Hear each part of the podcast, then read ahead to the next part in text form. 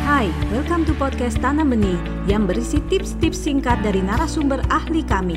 Jangan lupa di follow. Kalau misalnya ini kan bicara anak usia dini nih, anak yang belum belum TK lah, kita sebenarnya nggak ngajarin dia membaca itu nggak apa-apa. Tapi mulai distimulasi dengan cara orang tua rutin membacakan buku. Karena ketika orang tua membacakan buku cerita setiap malam itu secara tidak langsung anak tuh belajar berbahasa mengenal huruf. Karena kan dia ngelihat huruf-huruf yang ada di buku ya. Meskipun nggak direct kita ngelajarin baca. Menambah kosakata. Kosakata jadi kaya banget kan anak-anak kita ketika kita rutin uh, membacakan buku. Dan fun.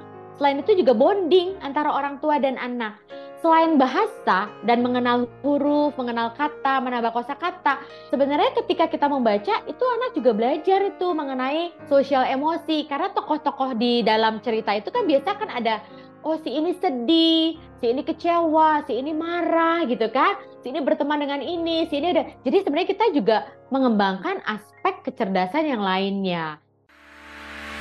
Anda baru saja mendengarkan tips dari Tanam Benih Foundation Mari bersama-sama kita terus belajar untuk menjadi orang tua yang lebih baik demi generasi yang lebih baik. Jangan lupa follow podcast kami